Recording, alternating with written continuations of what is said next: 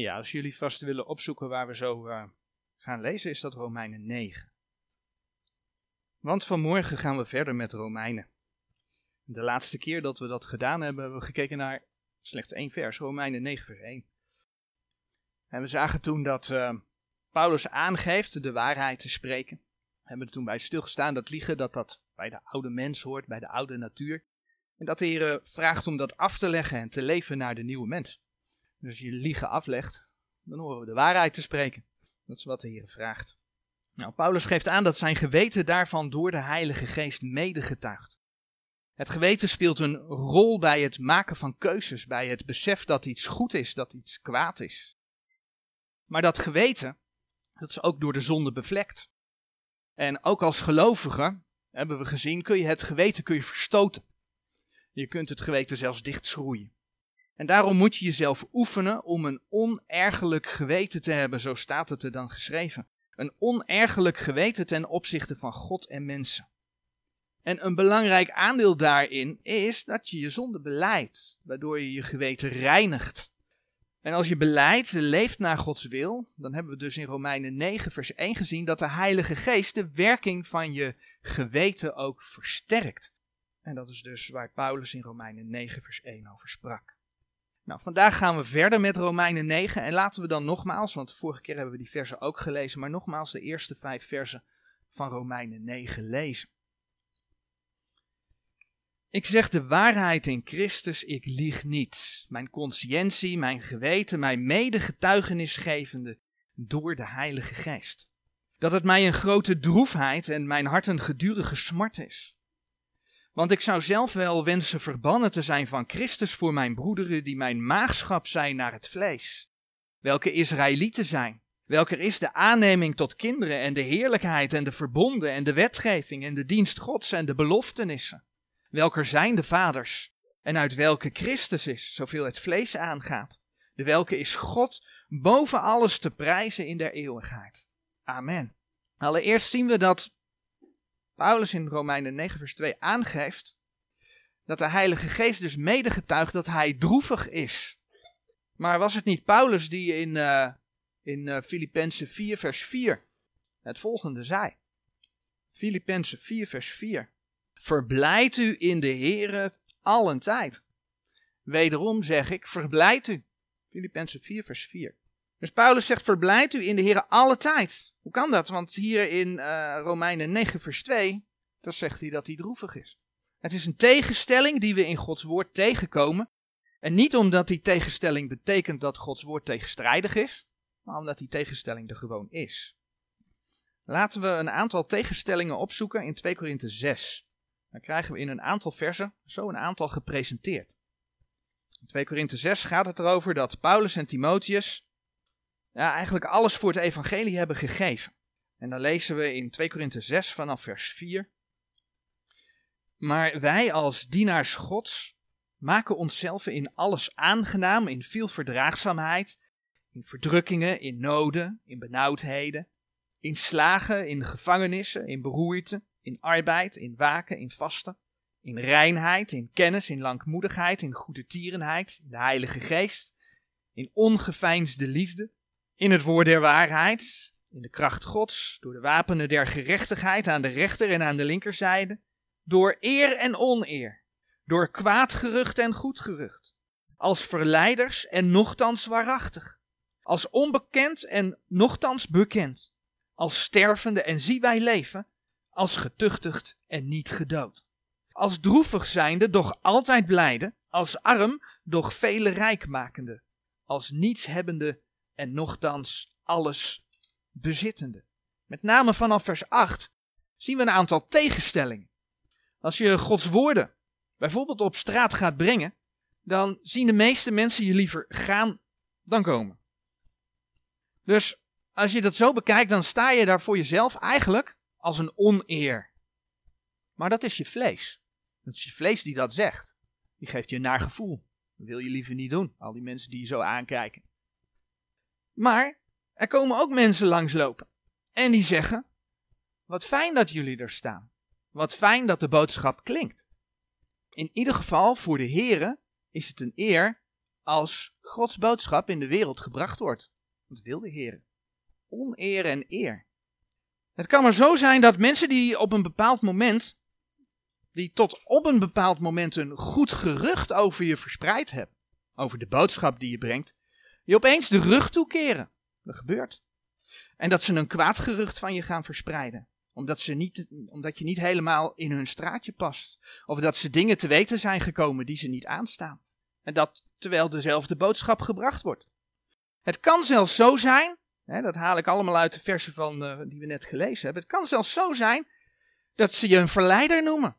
Om je in een kwaad daglicht te stellen. Terwijl je vanuit Gods woorden waarachtig bezig bent. Je kunt sterven en toch leven. Als je in Christus bent, heb je immers het eeuwige leven. Je kunt getuchtigd worden. En dat kan hard aankomen. En toch ben je er niet aan gestorven.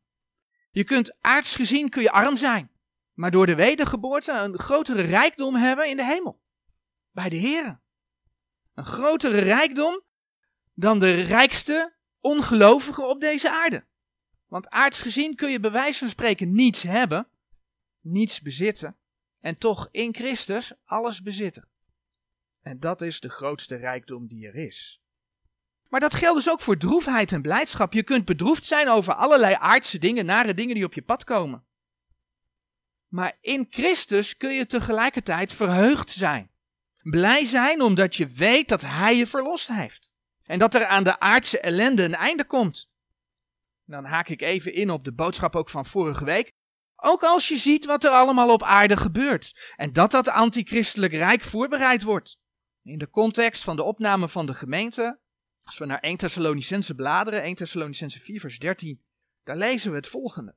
1 Thessalonicense 4 vers 13. Doch broeders, ik wil niet dat gij onwetende zijt van degenen die ontslapen zijn, opdat gij niet bedroefd zijt, gelijk als de anderen die geen hoop hebben. Daar staat dus niet opdat gij niet bedroefd zijt, Soms gebeuren er dingen en ja, daar kun je soms bedroefd van zijn. Maar daar staat wel, opdat gij niet bedroefd zijt, gelijk als de anderen die geen hoop hebben. Want wij hebben hoop. We hebben een vaste verwachting. We hebben iets waar we naar uit mogen zien. We hebben een God die ons wil helpen. We hebben een zekerheid omdat we weten dat Gods beloften uitkomen. En daarom is het dus tegelijkertijd mogelijk, ondanks dat je droefheid ervaart, om als gelovige ook verheugd te zijn. Je vindt dat bijvoorbeeld ook in Romeinen 5 vers 2. Maar waar is Paulus bedroefd om? Waar is Paulus bedroefd om? Waar gaat het Paulus om waarvan hij, zoals hij in vers 1 zei, de waarheid spreekt? Hij is bedroefd om het feit dat de Joden de Heer Jezus verworpen hebben. dat blijkt wel uit eh, Romeinen 9 vers 3.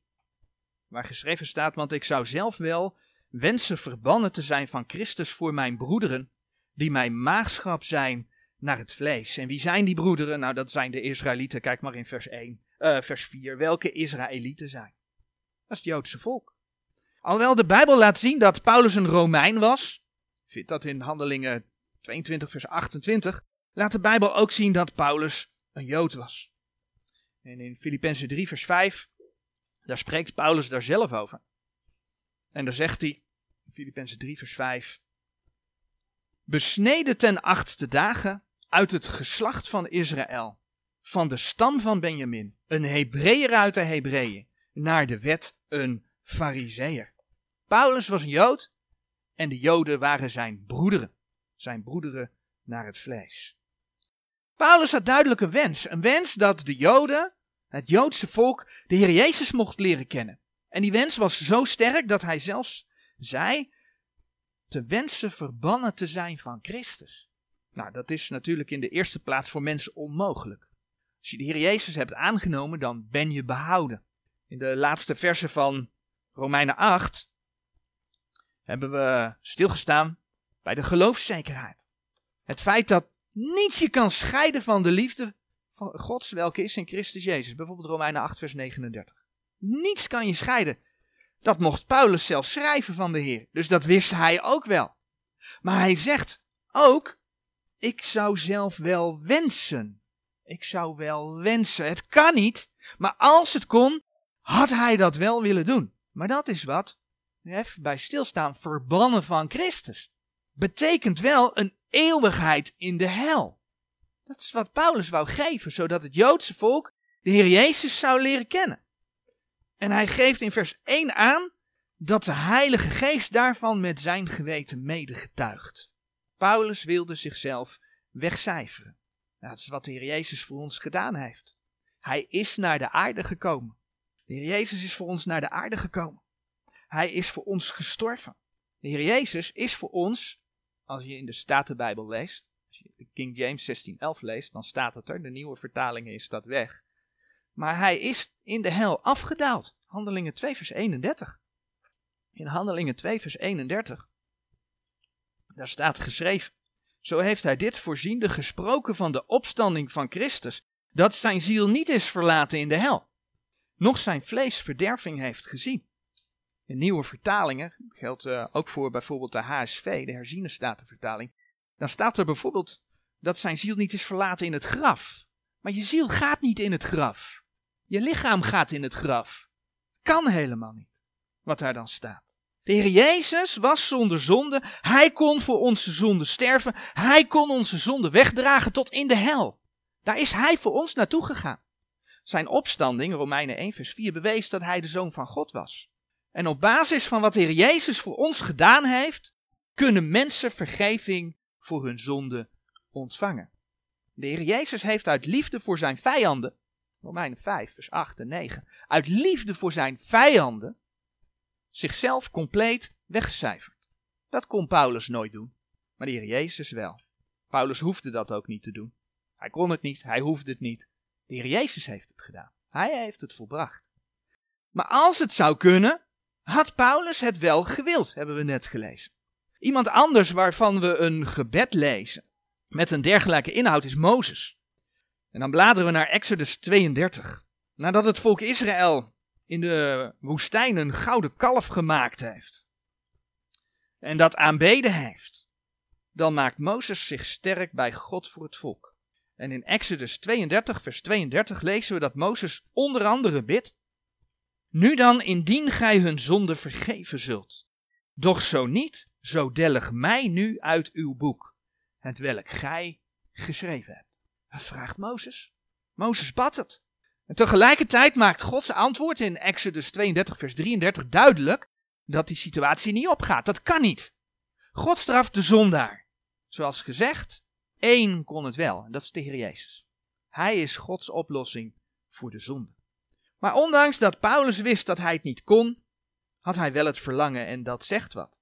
Ik denk niet dat er velen zijn die de Heer oprecht bidden: Heer, ik weet dat het weliswaar niet mogelijk is, maar ik wilde wel dat mijn buren en mijn familie u zouden leren kennen en stuur mij maar naar de hel. Laat mij maar verbannen zijn van Christus. Maar het is wel goed om over deze uitspraak na te denken. De uitspraak, het gebed van Mozes, de uitspraak van Paulus, om daarover na te denken. Uit liefde voor hun medemens wilden zij zichzelf wegcijferen. Ik had het al heel even over het op straat gaan. Ik denk aan die situatie dat wij op straat gaan. En ik heb er ondertussen met diverse broeders over gesproken. En weet dat het niet alleen mijn ervaring, ervaring is, maar elke keer is er toch weer een drempel die je even over moet om daar te gaan staan, om te verkondigen. Gewoon in het openbaar. Het is toch moeilijk om dat te doen. Het verkondigen in het openbaar gaat tegen je vlees in. Je weet hoe mensen naar je kijken. Houd het vlees voor dood en stel uw leden tot wapenen der gerechtigheid, zegt de Heer. Het mag je leren, het mag mij leren, om te kijken naar het feit dat al die mensen die daar voorbij komen, en daar moet je proberen op gefocust te zijn, dat dat zielen zijn. Dat het allemaal zielen zijn. Zielen die verloren gaan. Het mag ons leren om te bidden voor die ander, voor die andere ziel, die andere zielen. Ook voor jezelf. Heere, geef mij die liefde voor die andere zielen, zodat ik mijzelf kan wegcijferen. Heere, leer mij dat. En dat geldt niet alleen op straat, maar dat geldt ook in andere situaties.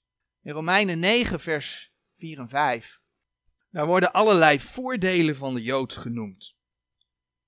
Romeinen 9, vers 4 en 5. Daar worden allerlei voordelen van de Joden opgesomd. Nou, Paulus stelde de vraag al eerder in Romeinen 3, vers 1. Welk is dan het voordeel van de Jood, of welke is de nuttigheid der besnijdenis? En in Romeinen 3 vers 2 is het antwoord, veel in alle manier, want dit is wel het eerste dat hun de woorden God zijn toebetrouwd. De Joden hebben klaarblijkelijk veel voordelen. En er wordt er eigenlijk in vers 2 maar eentje genoemd. De woorden God zijn hen toebetrouwd. Maar dan kom je in Romeinen 9 vers 4 en 5 en dan zie je opeens dat de Joden veel voordelen hebben. Welke Israëlieten zijn, welke is de aanneming tot kinderen en de heerlijkheid en de verbonden en de wetgeving en de dienst Gods en de beloftenissen. Welke zijn de vaders en uit welke Christus is, zoveel het vlees aangaat. De welke is God boven alles te prijzen in der eeuwigheid. Amen. Wanneer hier over aanneming tot kinderen gesproken wordt, is dat niet hetzelfde als de aanneming tot kinderen die de gemeente heeft. Maar het Joodse volk was door de Heer als volk aangenomen ja, en, en boven de volken geplaatst, apart gezet van de volken. Je vindt daar een voorbeeld van in, uh, in Exodus 33, vers 16. Exodus 33, vers 16. Dat zegt. Want waarbij zou nu bekend worden dat ik genade gevonden heb in uw ogen, ik en uw volk? Is het niet daarbij dat gij met ons gaat? Alzo zullen wij afgezonderd worden, ik en uw volk, van alle volk dat op de aardbodem is. Het volk Israël werd apart gezet. Zo hebben de Israëlieten Gods heerlijkheid gezien. De verbonden sloot God met het Joodse volk. De aartsvaders, daar is het volk uit voortgekomen. De Heere gaf hen de wet. Zij mochten God dienen. De hele, hele tabernakel met de priesters, noem maar op. Dat, dat was voorbehouden aan het volk Israël. En uiteindelijk mocht het Joodse volk naar het vlees de Messias voortbrengen. Maar ondanks al die voordelen is Paulus droevig. En waarom is Paulus droevig? Omdat ondanks al die voordelen het Joodse volk de Heer Jezus verworpen heeft. Nu hoor je zo nu en dan nog wel eens mensen zeggen dat Israëlieten zich niet zouden hoeven te bekeren, omdat zij het volk van God zijn. Als ze maar onder de wet leven, zich aan de wet houden, hè, dat is het volk van God. Nee, die hoeven zich niet te bekeren. En ja, als je de Bijbel gaat lezen, dan kom je tegen dat, dat Israël als volk van God extra belofte heeft. Israël heeft de belofte dat zij eens zich geheel zal bekeren. Dat hebben de andere volken niet. Kun je vinden in Romeinen 11, vers 26 en 28. Maar besef wel hè, dat als daar staat dat geheel Israël zich zal bekeren, dat de Heer spreekt over een overblijfsel uit het volk. Het gaat om het overblijfsel wat dan leeft. Daar zal de Heer zijn geest op uitstorten. En er gaan nog heel wat Joden in de grote verdrukking, gaan, uh, die gaan het niet halen. Het aanbod van het evangelie is ook voor elke individuele Jood. En als een Jood onbekeerd sterft, dan geldt voor de Jood, net als voor de heiden, dat hij verloren is. Hij of zij. Waarom zou Paulus anders wensen verbannen te zijn van Christus? Voor zijn broeders naar het vlees, die komen er dan toch wel? Nee, Paulus zegt, ik zou wel wensen verbannen te zijn. Zo droevig is hij dat de Joden de Heer niet kennen. Dit Bijbelgedeelte is een bewijs dat ook elke Jood de Heer Jezus nodig heeft. En uiteindelijk komt zelfs dat overblijfsel tot geloof. En hoe komt dat overblijfsel tot geloof? Doordat ze de Heer Jezus aannemen. Als we in de profeten kijken in Zacharia 12 vers 10, dan lezen we dat heel mooi beschreven. Zacharia 12 vers 10. Eén en laatste profeet van het Oude Testament. Hoofdstuk 12 vers 10. Doch over het huis Davids en over de inwoners van Jeruzalem zal ik uitstorten de geest der genade en der gebeden. En zij zullen mij aanschouwen die zij doorstoken hebben. Zie je dat? En ze zullen mij aanschouwen die zij doorstoken hebben. En ze zullen over hem rouw klagen als met de rouw klagen over een enige zoon. En zij zullen over hem bitterlijk kermen, gelijk men bitterlijk kermt over een eerstgeborene. Want dan zien ze opeens wat ze 2000 jaar verworpen hebben komen ze tot geloof. Dan zien ze hun Heer. Als je dat dan doortrekt naar het Israël van vandaag, je ziet vaak dat het mensen voor Israël willen bidden. Dat is ook goed, hè? Wie, wie, wie Israël zegent, is gezegend. Maar het Israël van vandaag gaat de grote verdrukking nog door. Gaat een verbond met de antichristen aan. Dus als we voor Israëls vrede bidden, dan moeten we eigenlijk bidden: Heer, wilt u snel komen? Want dan zal voor Israël de vrede komen. Maar ook tegelijkertijd, Heer, dat u ook nu nog in harten ondanks dat de Joden gedeeltelijk een bedekking hebben, gedeeltelijk hè, er zijn er die ook komen, die de Heer aannemen. En daar mag je best voor bidden. Dat er ook onder hen mensen zijn die de Heer mogen gaan leren kennen. Tot zover. Amen.